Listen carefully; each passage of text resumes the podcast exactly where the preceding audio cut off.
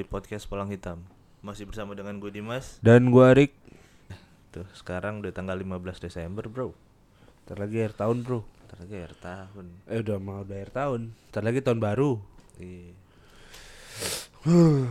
Dingin banget kamar udah akhirnya Padahal bukan daikin Thailand ya saya ini. Dingin banget anjing Asli dah Aduh. Tapi gue kemarin kalau sama si Marcel mah anjing. Kenapa? Dim, hasilnya gak bisa digedein lagi apa? Buset kata gue. itu mah kulitnya beda bro Asli. Bukan kulit manusia itu mah Nih, biasanya gue kalau sama lu kan paling dua-dua nih. Hmm. Sekarang dua-dua, fan-nya satu paling gitu ya. Buset gue kalau sama si Marcel Hmm. 18 cin, fan-nya 3. Tapi emang kagak dingin. Emang serius lu? Asli. Apa dia ini ya Apa ngisepnya ya Ya, bisa jadi tuh. Anjir Ini Dingin banget ini gua Iya. Sampai sarungan ini Asli Makanya. Susah deh. Tapi emang akhir tahun nih ya, apa musim hujan, jaga kesehatan deh kawan-kawan deh. Sekarang soalnya corona katanya berkolaborasi sama DBD cuy. Masa sih? Iya banyak di berita begitu katanya. Lagi kolaps tuh ya. Iya jadi kena kena DBD dulu pas lu lagi. Oh, tapi kalau masalah kayak gitu mah temen gue juga cuy. Apa? Temen gue ada, temen kantor gue kemarin tuh. Hmm. Jadi baru-baru awal-awal, baru bulan Maret. Dia emang difonisnya awal DBD. Hmm. Terus lama-lama kok gak masuk dua bulan kata gue. Corona taunya. Corona iya. Iya, untung gak liwat. untung gak liwat ya. Iya, goblok. Eh, Masih banyak yang liwat cuy. Asli dah. masih muda mah kuat kali Cin. Eh kagak maksud gua kan ini kan DBD kan bikin trombosit turun gitu kan. Hmm. Daya tahan tubuh kita nurun. Hmm. Masuk lah tuh corona kan. Udah kagak bisa makan, kagak bisa napas loh. Udah. Tinggal tunggu aja tuh koitnya. Yang penting mah berdoa aja. Iya benar. Kalau belum waktunya dipanggil mah belum. Mm-mm. Yakin kita mau bacanya. Heeh, benar. Paget. Aduh. Tapi kira-kira pada mau planning ke mana nih akhir tahun nih? Kita ke mana nih Cin? Kagak boleh. Nggak boleh Nggak ke mana-mana boleh ya? berkerumun. Ya kita mah sendiri-sendiri aja. Sendiri-sendiri aja ngapain lo? Udah. Nyari Wangsit. hutan gitu mah enggak ya. Hutan ya. Waterfall tuh. Apa ya kemarin namanya? Apa? Curug, curug. Curug tuh. Iya. Kata belum pernah sih gue Cin. Eh, curug. Hmm. Ah, norak lu. Lu bukan anak alam lu mah. Pengen gue dah. Ya, udah jangan nyamukin ntar. Lu nyamukin. gue mah sehat kaki gue banyak bulunya. Oh iya bener. Hmm. Nyaru sama nyamuk ya. Kirain udah, udah ada temennya. Nyamuk juga bingung nih katanya. Apa? Habis dari hutan, hutan lagi katanya. iya. Ada. Ya udah dah, lanjut aja ya. Langsung ke cerita aja kali ya. Perlu kita ingetin lagi gak nih? Apa nih? Apa namanya? Eh, Prokotol. prosedur- Iya. Iya. Iya. Protokol. Hmm. Protokol udah lah nggak usah lah. Nggak usah. udah, pada pinter mah ya. Iya, udah pada 8 pinter. bulan bareng corona. Iya. Masa gak pinter-pinter Iya, ini. Habis ulang tahun kemarin corona. tuh. iya. iya bener dia mulai kan September Oktober ya nggak salah ya. Heeh. November, November. Eh, November ya? Heeh. Oke. Habis ulang tahun dah anjing. Iya, ulang tahun, Cuk. Iya, udah satu tahun. Cerita yang kedua dari gue, Cin. Lu yang ketiga aja. Cerita yang kedua dari gua, gua yang ketiga. Cerita cerita kedua gue yang baca. Dah cerita pertama siapa? Cerita pertama skip aja deh, yang ketiga aja deh. Oh, tapi ini sekarang yang baca siapa jadi? Lu dulu. Oh, gua dulu. Berarti gua yang pertama nih. Iya. Oh, ya udah. Oke. Cerita siapa nih? Si Andrew Andrew. Andrew. Lu, gua cari dulu. Oh ya ini dia. Halo kakak-kakak palang hitam. Eh, kamu kakak-kakak palang hitam. Iya, kalau kata si Zia mah kita udah om-om ini. Iya, om om palang hitam lebih cepat. Waduh. Cerita satu ini dialami sama temen gue yang namanya Ipang. Waduh. Ipang nih. Realita cinta dan rock and roll dong tuh. Ah. Iya. Ipang yang ngasih cerita namanya Andrew. Andrew. Keren, dah. sih. Keren, lu. sih. Pertemanan lu keren sih. Ipang ini orangnya insomnis akut. Insomnis itu berarti insomnia ya. Insomnia. Dan gue ini teman dekatnya. Jadi gue ngerti banget tuh gimana akutnya insomnianya dia. Dulu pernah dia nggak tidur selama empat hari berturut-turut. Buset deh, empat hari celong banget mata celong bos. Ini sih nggak mungkin. Ini kalau di Rusia udah jadi bahan penelitian nih. Iya, yang badan udah kurus-kurus Iya. gitu ya. Aduh, pas di hari kelima doi tidur tuh 24 jam nonstop. Buset. Udah kayak apotek. Kebluk banget ini, Mas. Ih, kira mati kamu mayat. Asli dah kagak keluar kamar, Cuk. Anjing 24 jam Iya, kali. kalau gue jadi topi deh. Pang, pang, mati lu, Pang. Iya. Si Ipang juga udah kagak bisa ngapa-ngapain kan. Udah ngantuk kayak bau. Anjing nih si Ipang sama si Andrew nih. Aduh. Udah bener dah. Aduh. Aduh. Nah, karena insomnianya akut, Ipang ini jadi doyan jalan-jalan malam keliling Jogja. Tawa mulu? Gak fokus gue. Kenapa tawa mulu lu? Si Ipak nih. Berarti orang Jogja nih, keliling Jogja ya kan. Ini Jogja bener. Biasanya dia jalan-jalan keliling Jogja tuh nggak ada tujuannya gitu loh. Cuma nyari angin katanya. masuk angin, masuk angin gue ngeri. Aduh, Ini gak jelas nih si Ipak nih orang. aduh kagak suka tidur. Nyari angin lagi. Aduh. Kalau di iklan nyari jahe katanya. Ya. Enggak ya. Nyari jahe, enggak masih lanjut ya. Iya iya iya iya. Suatu hari Ipang ini pengen jalan-jalan malam. Waktu itu sekitar jam satu malam. Setelah puas jalan-jalan, sekitar jam 3 dini hari, Ipang nyetir motornya buat balik ke kosan. Doi akhirnya lewat Kerapyak. Nah, di Kerapyak ini ada bangunan tua namanya Kandang Mejangan. Mungkin lo semua bisa cari tuh di Google tuh sejarahnya apa si Kandang Menjangan ini. Biar gampang ngebayanginnya. Kandang Menjangan ini bukan rumah dan bukan bangunan aktif. Bangunan tua ini letaknya ada di tengah-tengah perempatan jalan semacam jadi bundaran gitulah. Tempat puter balik kalau lo semua pengen ke arah kampus gue. Deh, kampus lo di mana sih tahu gue? Kecil itu berarti. Lewat Kerapyak. Pasti ngelewatin kandang menjangan. Kandang menjangan ini bentuknya lebih kayak benteng zaman dulu yang ada jeruji besinya. Seumur umur gue di Jogja, gue cuma pernah ngeliat tiga kali kandang menjangan ini dibuka pintu jeruji besinya. Dari pertama, gue ngeliat pada saat perayaan hari besar gitu. Terus gue ngeliat lagi waktu lagi dibersihin. Yang terakhir gue ngeliat pas lagi direnovasi. Sisanya kandang menjangan ini ditutup rapat. Di dalamnya kayak ada di dalamnya kayaknya nggak ada lampu deh. Karena kalau siang atau malam tetap gelap gitu. Dan berhubung jendelanya cuma jeruji, orang luar tuh bisa ngintip ke dalam dari sela-selanya. Setiap sisinya tuh ada empat. Jadi itu kayak ditutupin jendela jeruji gitu. Malam itu Ipang ngelewatin Kerapyak dari arah selatan. Dari kejauhan lampu motornya tuh udah nyentrong tuh ke arah pintu jeruji besi. Oh jadi depannya tuh si menjangan ini ya tengah-tengah ya soalnya ya. Hmm. Awalnya tuh nggak ada yang aneh, tapi pas jarak motornya dia sama menja kandang menjangan ini kira-kira 10 meter, lampu depan motornya si Ipang ini nyentrong, semacam ada benda aneh yang menggantung di langit-langit kandang menjangan. Dari jarak jauh, kelihatannya cuman kayak kain hitam panjang yang ngejulur dari atas langit-langit kandang menjangan ini. Perasaan si Ipang mulai gak karuan tuh, udah mulai ketakutan. Tambah dekat, tambah jelas tuh yang ngegantung itu apa.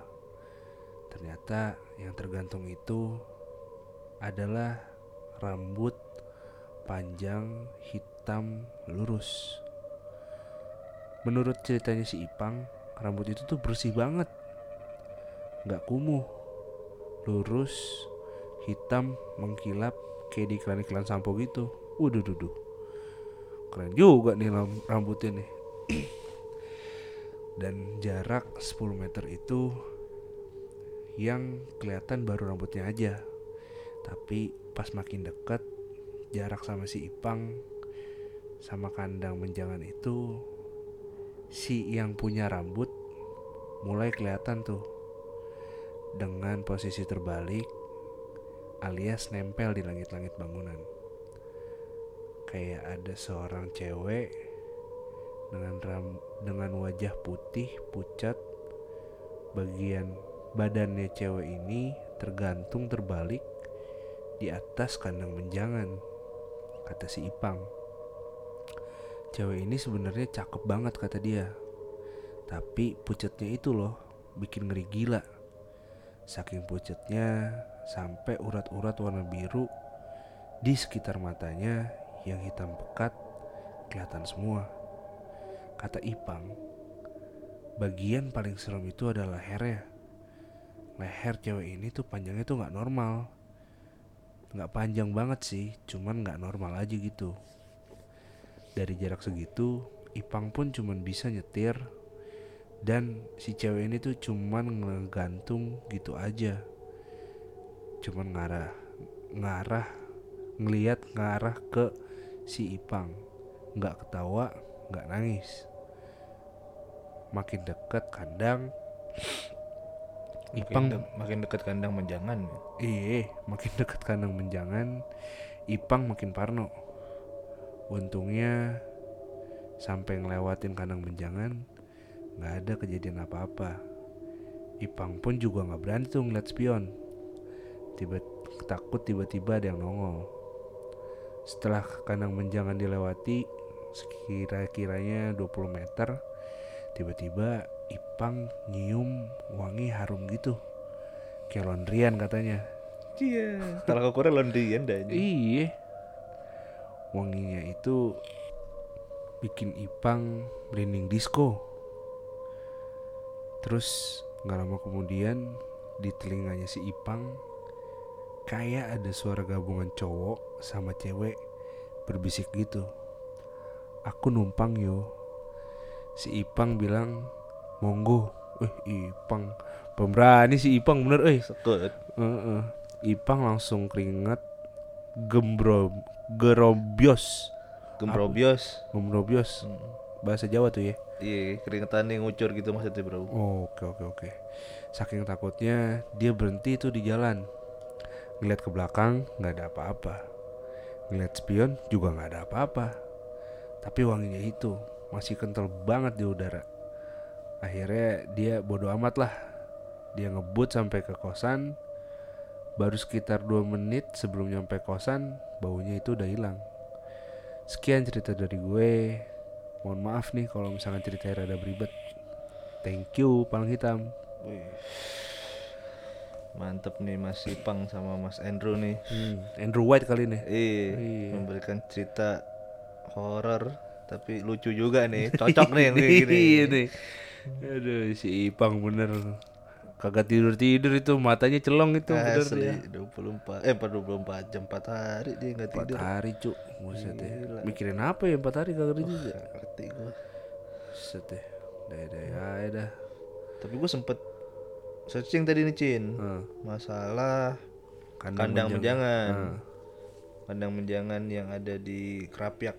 Nah, sebenarnya kalau gua baca-baca sih kandang menjangan ini kayak apa ya?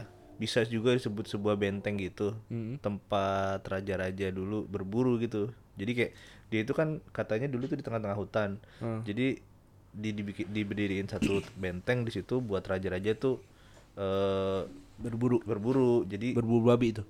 nggak tahu berburu apa aja. Enggak ya, kijang kijang. Cabe cabe. Aduh, kalau berburu cabai naik motor aja, Bro. Eh, lebih gampang mancingnya. Iya. Nah jadi si raja-raja ini tuh nggak perlu takut akan keselamatannya gitu. Jadi udah lu kayak mau panah-panah gitu dari dalam kan kalau ada macannya lari, gue tinggal lari aja ke dalam gitu. gitu. Heeh. Nah, Cemen juga tuh raja ya. Iya. tapi yang jadi masalah kan Heeh. Gue bingung nih, gue cari lagi akhirnya kenapa sih kandang menjangan ini kok bisa ada horor apa karena emang cuman karena benteng lama yang ditinggalkan. Heeh. Nah ternyata di sini disebutin juga katanya kandang menjangan itu juga selain tempat berburu raja Heeh. bisa juga jadi tempat ajudan-ajudan raja untuk belajar ilmu kanuragan. Oh, gitu. Pantes kental situ mah, Bos. Takut juga, tapi tadi setannya cewek eh cakep ya. Iya. Dayang kali ya. Bisa jadi tuh. Dayang Tapi Sumbing. nempelnya di atas, cuy. Hah? Iya, kebalik gitu. Serem sih, sekut sih gue mah. Takut sih. Tapi kok bisa, bisa bilang cakep sama si Ipang ya? Wah, kelainan sih si Ipang mainnya. Si Ipang emang gua rasa matanya sih udah ada buyar sih empat hari nggak di rumah ya. Namanya bukan silinder, mah silinder 8 itu. Eh, waduh. Waduh, udah kagak bisa ngeliat garis lurus udah itu. Waduh. Untung aja masih bisa naik mobil tadi deh. Naik mobil kan tadi ya? Motor. Eh, motor ya. Iya, motor Astrea lagi kata. Wih, deh. Numpang ya numpang dua orang tapi itu cowok sama cewek. Enggak, jadi mungkin siluman kali ya. Iya nggak sih? Soalnya kayak katanya lu pernah dengerin kayak setan serem gitu masih yang suara cowok sama cewek gabung gitu.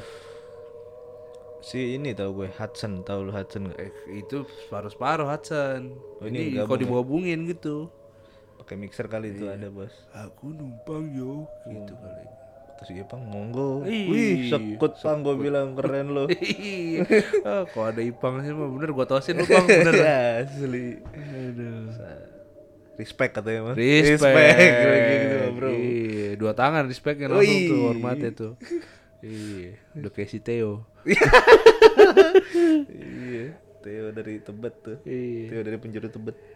Bukan de, bukan Ago ya? Bukan dari Jakarta Timur ya? Ah, agoy. Kayak orang bener ah. Bener Orang sih. Orang bener. Oh, iya. Iya, emang bener orang. Oh iya bener. Iya. Tapi sisi lucuan si Theo maksud gue. Iya. Kalau Theo alami ya. Itu ya alami. Ya lanjut lah, Mas Piu lah. Bacain nih cerita selanjutnya nih bro. Jadi cerita ini, cerita kedua kita kali ini adalah cerita yang dikirimkan dari seorang wanita lagi nih Cin. Siapa tuh? Namanya Gaby. Ai, Gebe. Gaby sih. Terus gue punya temen namanya Gaby sih. ACC sih. ACC tuh ya. ACC ngomong gitu. ACC tuh ya. Oke, jadi gini nih ceritanya. Halo semuanya, halo Kak Bacin, halo Kak Dimas. Halo. Aku mau cerita sedikit nih. Semoga ceritaku bisa menghibur teman-teman podcast Palang Hitam. Amin. Amin amin. Aku mau cerita em, singkat tentang kisah aku. Kejadian ini adalah sekitar waktu aku masih SD kurang lebih. Waktu itu ibu aku lagi di rumah sakit dan dirawat di rumah sakit terkenal di Surabaya. Oh, Surabaya namanya Gaby Cin. Kebayang sih gue mah. Cokin ya. sini. Eh, eh, bener. Paget sini. Ya gose gose. Baca tuh. tuh. Bacanya aja gue. Singkat cerita ya, pas aku lagi nungguin ibu aku di luar. Oh, pas aku lagi nungguin ibu aku, aku lagi di luar. Nah, keadaannya di luar itu lagi hujan deras banget. Sama disertai juga sama petir-petir. Waktu itu tepatnya pada malam hari yang menunjukkan pukul 23.00. Wih, jam 11 malam, Bro. Anak wanita kan. Tiba-tiba aku ngerasa perut aku lapar banget. Dengan rasa takut, ayah marah. Hmm? Gitu. Kenapa itu? Karena hari sudah malam dan kalau beli makanan harus keluar. Oh, jadi bokapnya marah kan udah malam. Udahlah Oh. jangan beli karena kalau beli makanan harus harus keluar dulu. Repot ya. Mm-mm. Aku memberanikan diri minta anterin sama ayah keluar Hmm. karena perutku udah lapar banget dan gak bisa ditunda. Akhirnya ayah menemaniku walaupun di sepanjang lorong rumah sakit dia merasa kesal dan menggerutu. Kami keluar menuju lobi rumah sakit dan melewati lorong rumah sakit yang begitu gelap dan sepi. Sepanjang mata memandang, tidak ada orang sama sekali. Dari kejauhan nampak tulisan kamar jenazah. Terpampang jelas di lorong tempat kami berjalan. Jantungku serasa mau copot dan takut setengah mati. Karena hari sudah malam, ditambah lihat muka ayahku yang sepertinya juga ketakutan. Seker juga dia. Eh, tadi marah-marah. Tapi akhirnya rasa takutku hilang. Karena dari kejauhan aku melihat pedagang makanan dan minuman. Dan kami pun berpikir kalau lebih baik beli di sini di sini daripada harus jalan jauh-jauh keluar. Oke. Kami pun akhirnya membeli nasi bungkus dan roti. Awalnya memang aku dan ayahku tidak merasa ada yang ga- Janggal. janggal ketika memilih makanan dan tidak mempunyai firasat aneh-aneh atau sejenisnya. Aku melihat pedagang makanan ini seorang nenek-nenek tua dan nggak seharusnya malam-malam gini masih jualan. Setelah membeli makanan, kami pun kembali ke ruangan di mana tempat ibuku dirawat. Baru saja sampai di ruangan ibuku, tiba-tiba lampu mati. Dalam hatiku cuman bilang, ya elah baru pengen makan. Belum sampai 5 menit, tiba-tiba tiba-tiba lampu itu menyala lagi dengan cepat. Karena perut aku yang dari awal sudah tidak bisa dikompromi, segeralah aku buka nasi bungkus itu. Tertulis menu tulisan kecil di kertas nasi itu. Bali daging. Sudah kebayang gimana enaknya makanan nasi bali daging malam-malam begini. Bali daging Apa? ya? apa sih? Coba cari. Namun begitu, nasinya kubuka. Alangkah ter- terkejutnya aku mengetahui nasi yang aku beli ternyata sudah basi dan ada belatung kecil-kecilnya. Sepertinya nasi ini sudah basi dari beberapa hari yang lalu. Dan betapa terkejutnya ayahku, ternyata roti yang dibeli ayahku juga sudah busuk dan ada jamurnya. Begitu banyak jamurnya sampai ada di plastiknya juga. Ayahku yang kesal dan marah, kemudian beliau mengajakku kembali ke tempat pedagang itu.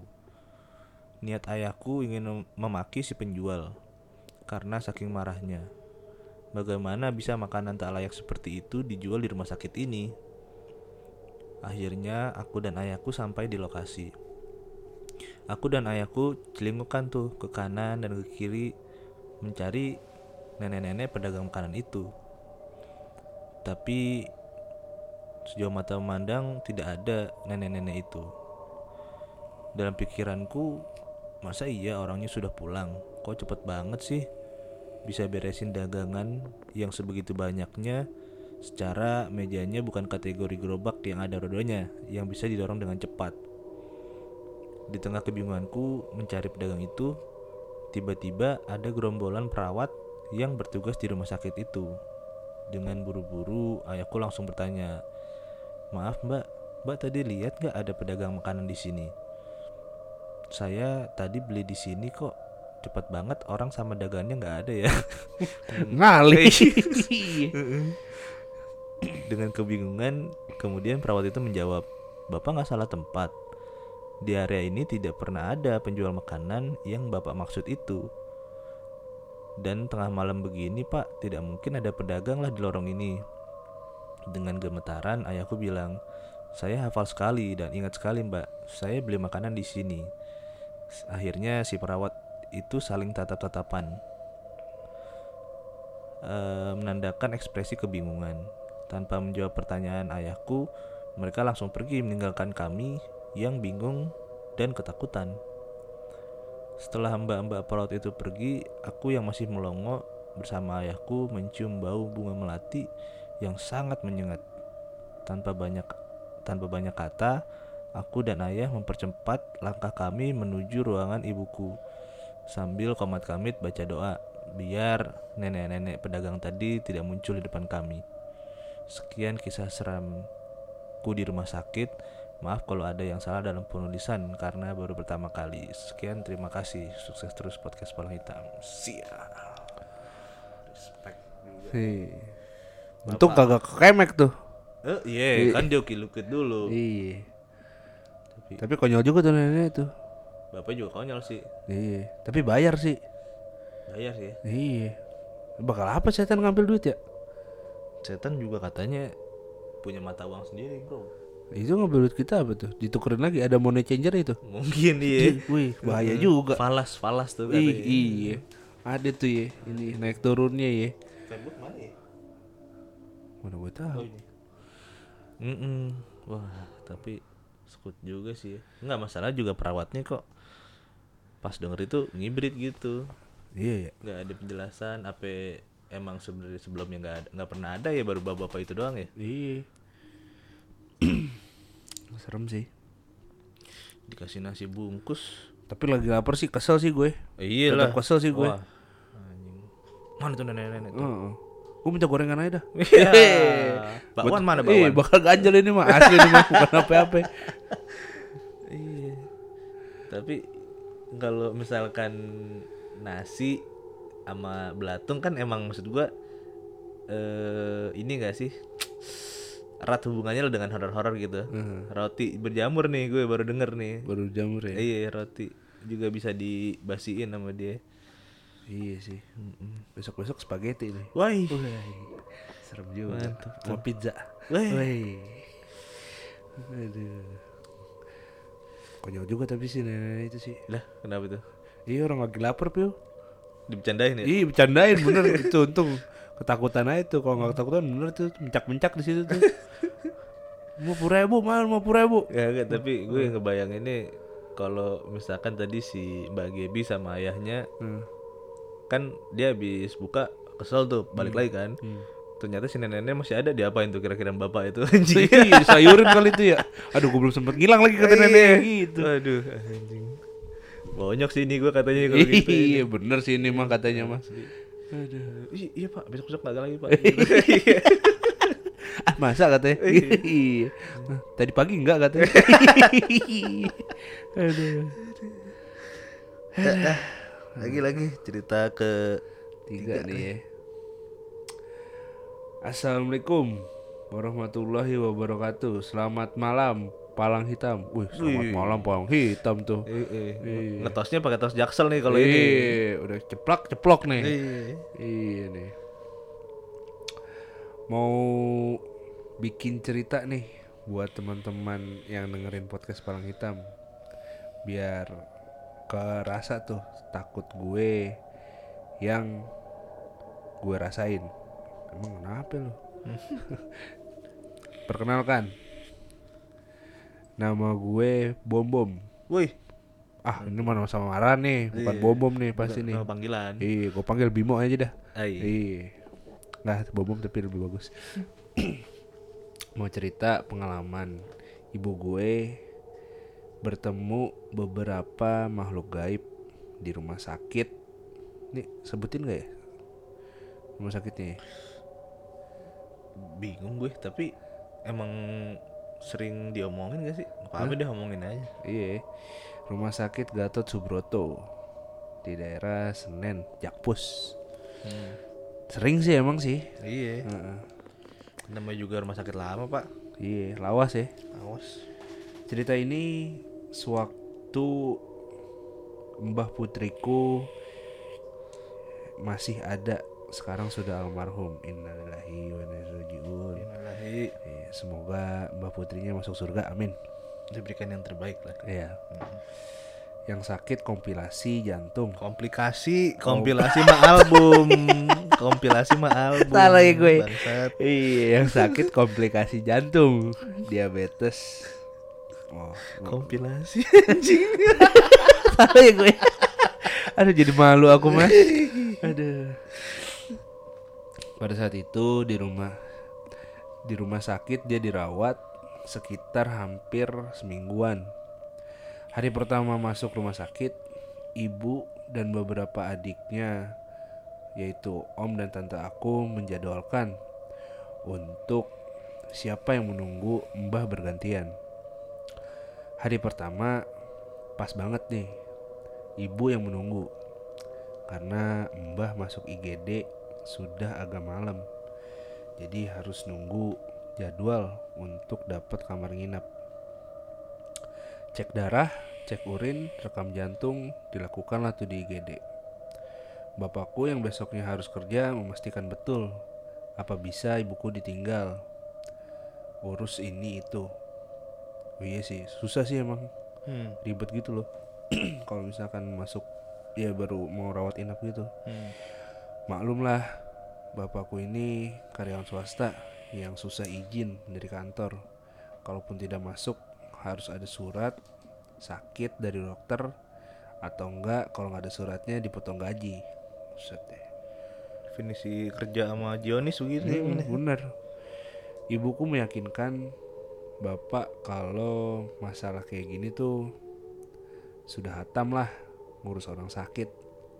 Apalagi ibuku ini PNS di Mabes TNI. Wih, Wih, gitu dah kalau begitu. Iya, Cavalry ini mah Cavalry. Sudah sangat hafal dengan RS Pusat Angkatan Darat Gatot Subroto dan gampang untuk izin dari kantor. Akhirnya giliran Mbah dipanggil untuk daftar tuh rawat inap sekitar jam setengah dua dini hari. Di gedung penyakit dalam yang posisinya memang berada paling belakang gak jauh dari rumah duka sesampainya di gedung suster yang ngantar mbah ke kamar ada eh suster yang mengantar mbah di kamar lantai 5 meminta ibuku untuk ambil obat di lantai 2 tanpa pikir panjang akhirnya ibuku turunlah tuh menggunakan lift sendirian. Nah di dalam lift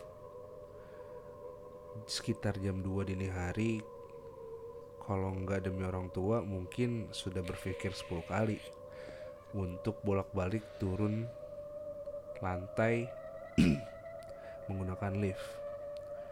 Mau lewat tangga darurat pun lebih horor. Akhirnya dengan menyebut bismillah dan berdoa sembari memberikan diri ibu. Oh sembari memberanikan diri ibu menuju lift sendirian. Saat liftnya terbuka beruntung. Ada beberapa orang ibu-ibu sekitar enam orang berada di lift itu. Gede dong ya liftnya ya berarti ya? Standar anjing. gede lah. Enam cuy biasa aja. emang lift lu muat berapa kantor Sembilan bisa. Kalau nggak corona mah. gede berarti lift lu Masa ya? Ih, kantor gua kecil liftnya. Lu limbaran kali yang lu ikutin. Hmm? Lu naik limbaran kali. Kagak juga, cu. Oh, lift, juga lift ya. private lebih kecil gue. Oh kalau lift private mungkin kan biasanya cuma buat eksekutif bro satu dua orang doang emang kalau lift, Iya. lift private mah ya. Heeh. Alhamdulillah, ibu ada temennya. Dalam hatinya begitu. Sembari nanya, siapa yang sakit bu? Kata ibuku, maklum lah, mak-mak ada aja yang diomongin. Padahal nggak kenal. Bener. Tapi ibu-ibu itu nggak jawab. Ibuku mulai deg-degan. Suasana hening di dalam lift buat waktu turun ke lantai dua berasa lama. Sampai di lantai dua, saatnya melangkah keluar lift. Kembali ibuku bicara kepada salah satu ibu-ibu tersebut. Mari bu, saya duluan. Betapa kagetnya ibu saat bicara ternyata nggak ada satupun orang di dalam lift. Waduh, Sebegitu ya. makanya. Ibu langsung takut setakut-takutnya karena naiknya ramai, pas turun seorang diri. Ibu tetap berucap syukur di dalam lift. Gak sendirian ada temennya, walaupun bukan manusia. Saat obat dan beberapa hasil sudah di tangan, ibu kembali tuh mau naik ke lantai 5. Dengan penuh ketakutan, tunggu sebentar deh, kali aja ada yang mau naik di dalam batin ibu. Setengah jam ibu nunggu, nggak ada satu orang pun yang keluar. Akhirnya mau nggak mau, ibu ke lantai 5 sendirian lagi naik lift. Karena takut juga untuk naik tangga dalam dini hari tanpa seorang pun. Apalagi habis ada kejanggalan yang tadi dialami. Gak lama, liftnya terbuka. Ibu melihat ada seorang bapak-bapak parubaya dengan wajah pucat menggunakan tongkat. Batin ibu mulai gak tenang. Jangan-jangan nanti keluar lift sendirian lagi. Ibu coba beranikan bertanya, sakit apa pak? Dan bapak itu menjawab, diabetes bu, sampai diamputasi jempol kaki saya. Oh begitu pak. Ibuku juga komplikasi, ada diabetes juga, kata ibu. Bapak di lantai 5 juga, tanya ibu karena hanya angka 5 yang menyala. Oh, lantai 5 doang berarti yang nyala ya. Bapak itu hanya menengah, Bapak itu hanya mengangguk. Sesampainya di lantai 5, ibu dan bapak itu keluar. Mari pak, saya duluan, kata ibu. Bapak itu hanya mengangguk. Saat mau ke kamar mbah, ibu melewati salah satu kamar yang lumayan ramai. Dengan kepo, ibu itu nanya, ada yang darurat sus? Karena ada suara tangisan. Pasien meninggal bu, innalillahi, sakit jantung ya sus? Bukan bu, ini diabetes akut. Sembari lewat, sembari ibu melihat kamar itu, kaget plus takut, di sudut kasur itu, ibu lihat tongkat bapak-bapak yang barengan ibu di lift. Suster, saya mau tanya, itu bapaknya diamputasi ya kakinya? Tanya ibuku. Iya bu, karena lukanya gak sembuh-sembuh, takut merembet, dokter menyarankan untuk diamputasi. Saya baru aja naik lift sama bapak itu, suster. Sontak, ibuku langsung lemas sambil kayak mau nangis gitu. Ya, begitulah kisah ibuku di RS. Memang gedung perawatan penyakit dalam sudah terkenal horor di RS Gatot Subroto. Dan dengan kejadian itu, ibu selalu minta ditemani bapak kalau ada hal darurat berbau dengan RS. Sekian cerita dari gue. Mohon maaf nih kalau ceritanya ngacak. Thank you podcast Palung Hitam. Sukses selalu. mantap nih segan sih kalau sama ini siapa tadi yang kirim cin Bom bom. oh iya bener si bom bom nih nggak maksud gue Maknya sih hebat bukan bom bomnya sih. iya maksud gue apa ya gue sendiri sih sebenarnya belum pernah sih kalau yang kayak nemenin semalaman gitu ya di rumah sakit ya Oh lu belum pernah ya? belum pernah gue ke rumah sakit jam-jam nggak jelas gitu gue belum pernah sih Oh iya. iya Ya gue sih pernah, cuman ya alhamdulillah emang gak ada apa-apa gitu. oh gitu ya Iya, gue jam 2, jam 3 gitu keluar. Ya nggak apa-apa sih gue, nggak ada apa-apa sih untungnya. sendokiran tuh Senokiran. Ya untungnya juga rumah sakit rumah sakit ya nggak tua-tua banget lah, rumah sakit swasta swasta. Jarang gue rumah sakit yang kayak RSPAD gitu-gitu dah, yang negeri-negeri. Emang beda aja dah hawanya dah. Iya, orang rumah sakit lama kan apa ya? Dia udah banyak juga itu yang ditangani nih kan, ada penyakit aneh-aneh. Iya, asli dah. Masalahnya apa Piu ini cerita dua kali Piu, maknya Piu dikerjain Piu. Iya, atas bawah tuh kan. Heeh. Yang Dari atas, Heeh, atas turun ke bawah, kirain rame, alhamdulillah, mak-mak Iya. gitu kan. Bu sakit apa bu? Diem, alah ini nah bukan nih, bukan demit ini mah asli ini mah. Untung tuh nggak nengok tuh kanan kiri tuh. Iya, takutnya pada nengok ke ibunya semua kan. iya, iya. Tapi gue belum pernah juga tuh. Apa namanya ngobrol sama orang orangnya diem gitu. Iya. Alhamdulillah sih. Coba besok kali lu. Aduh,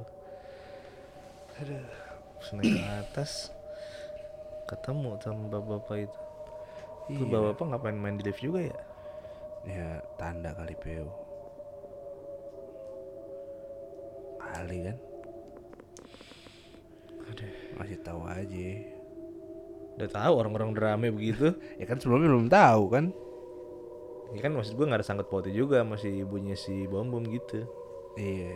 Ya mungkin ini kali apa namanya? Setan nyaru kali. Kan banyak setan nyaru, Pio.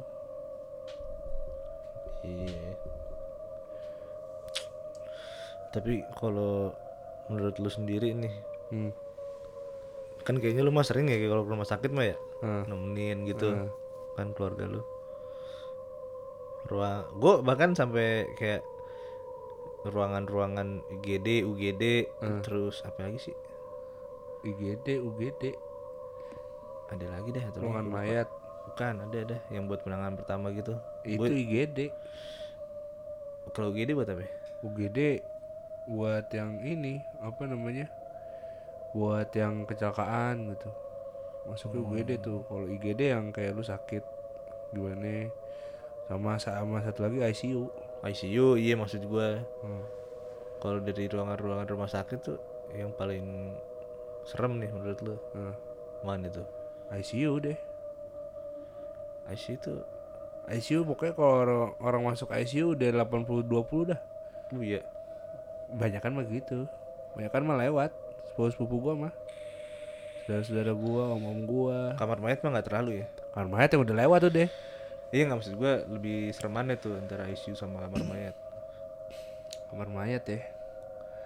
Kamar mayat dingin doang dah. Emang pernah masuk lu? Pernah Wih, mau masuk gue. Kan kalau di rumah sakit meninggal kan masukin kamar mayat dulu tuh. oh iya. iya. Iya ngurusin buat mandinya. ya. Hmm. Iya ketemu mayat-mayat lain gue. Cuman ya dingin doang sih maksud gue ya bersih sih. Hmm. Gue belum pernah ngeliat kamar mayat yang horor kayak di film-film gitu dah. Belum pernah sih gue. Film Dono tau gak lu? Iya, tapi kamar mayat terang ah. Kalau di gua ya, waktu itu gue pernah masuk beberapa kamar mayat terang-terang. Kagak ada yang gelap gitu kagak sih. Kurang kerjaan sih sebenarnya kalau udah tahu kamar mayat ya. Terus gak dikasih lampu mah namanya Nah, gobloknya double sih. iya, dablek dablek. Double itu namanya bener. Iya. Cuma ya gue masuk kamar mayat waktu itu ya adem aja. Maksud gua kagak kayak yang seserem gelap gitu kagak sih. Iya sih ICU ya. ICU sih Iya, gue lebih itu. sih gue. Gue waktu itu ICU mana? Oh ICU Persa- Pertamina tuh kalau nggak salah tuh. Wah itu serem dah pio anjir. Yang namanya bunyi alat jantung yang Hmm. tut tut. Wah itu sih bener sih. Terus itu bener-bener lo yang ngeliat kayak apa ya ICU tuh kan ada ICU yang besar ada ICU yang kecil kan. Hmm. Nah ICU waktu itu gue tuh masuk ICU-nya ICU yang besar gitu loh. Jadi yang udah penyakit kronis semua di situ tuh. Hmm. Yang tinggal nunggu doang lah. Itu seorang sekamar berarti ya kalau gitu ya? Iya sekamar. Itu tuh ada yang lagi dipacu jantung Ada yang segala macem. Terus ada yang muntah darah gitu Darah ke mana-mana. Wah serem dah cuk asli dah. Itu gue lebih creepy di situ sih. Iya bener. Terus ada yang benar-benar yang kayak udah tit gitu. Hmm. Wah bener dah itu. Kalau di situ gue mah bawaannya aja dah. Dengan mati ada gue di situ mah bener. Iya bener juga sih. Soalnya apa ya, pertaruhan nyawa tuh ya berarti Hmm. situ ya. Wah situ mah banyak tuh malaikat pencabut nyawa tuh Wah asli. udah pada nungguin ya wah ternyata sih itu kalau misalkan di ICU ya kalau misalkan di apa namanya kayak IGD gitu-gitu mah masih jarang lah Hmm. masih biasa lah IGD UGD masih biasa menurut gue ya Iya sih, anjing. iya Ini kali ya. De berapa nih? Wih. Lama juga. Oke dah. Kalau begitu, kalau kalian suka dengan episode 15 ini bisa di-share ke teman-teman kalian, follow kita juga di Instagram di Palang Hitam Podcast. Dan apabila kalian pengen ikutan cerita nih bareng kita, kalian bisa langsung aja klik link yang ada di bio Palang Hitam Podcast. Nanti di situ kalian bisa langsung direct tuh ke Google Form. Tinggal cerita nanti kita yang bacain. So, pada saat menonton kami berdua, Jangan dengarkan sendirian.